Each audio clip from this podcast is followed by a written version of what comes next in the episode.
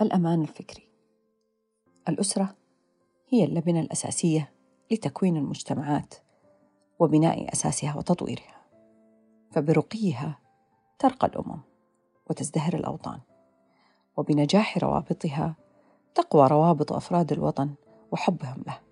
يواجهون التحديات والعقبات التي تنتشر في وقتنا هذا لحماية المجتمع والأسرة والوطن. نحن في هذا الوقت أمام تحد كبير يسمى ظاهرة الإرهاب. هذه الظاهرة التي أصبحت تهدد الأسر والمجتمعات للوصول لأبنائنا. فهناك تخطيط حقيقي لتلويث أفكار أبنائنا من خلال مجموعة من الأفكار التي تبث في الإعلام أو من خلال الألعاب أو من أصدقاء ورفقاء السوء ومن حولهم. علينا كأسرة أن نغرس في أبنائنا حب الانتماء.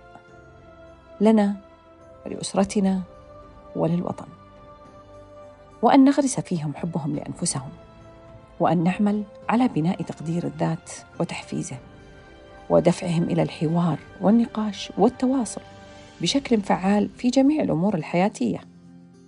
كما يجب علينا كأسرة أن نساعد في تكوين ما يسمى لائحة الضبط السلوكي داخل الأسرة بمعنى وجود الأمان والاستقرار.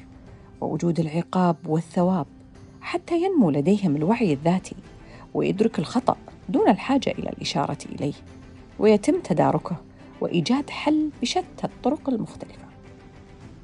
من هنا يأتي دورنا من أجل تحصين أبنائنا ليكون لديهم أمان واستقلال فكري سليم وصحي ومساعدتهم على تحديد هويتهم وتوجيههم السليم كفرد مسلم ومواطن صالح ليكون له الدور الإيجابي المؤثر في المجتمع. بالحب تتماسك وتنغرس القيم في أبنائنا وأسرتنا.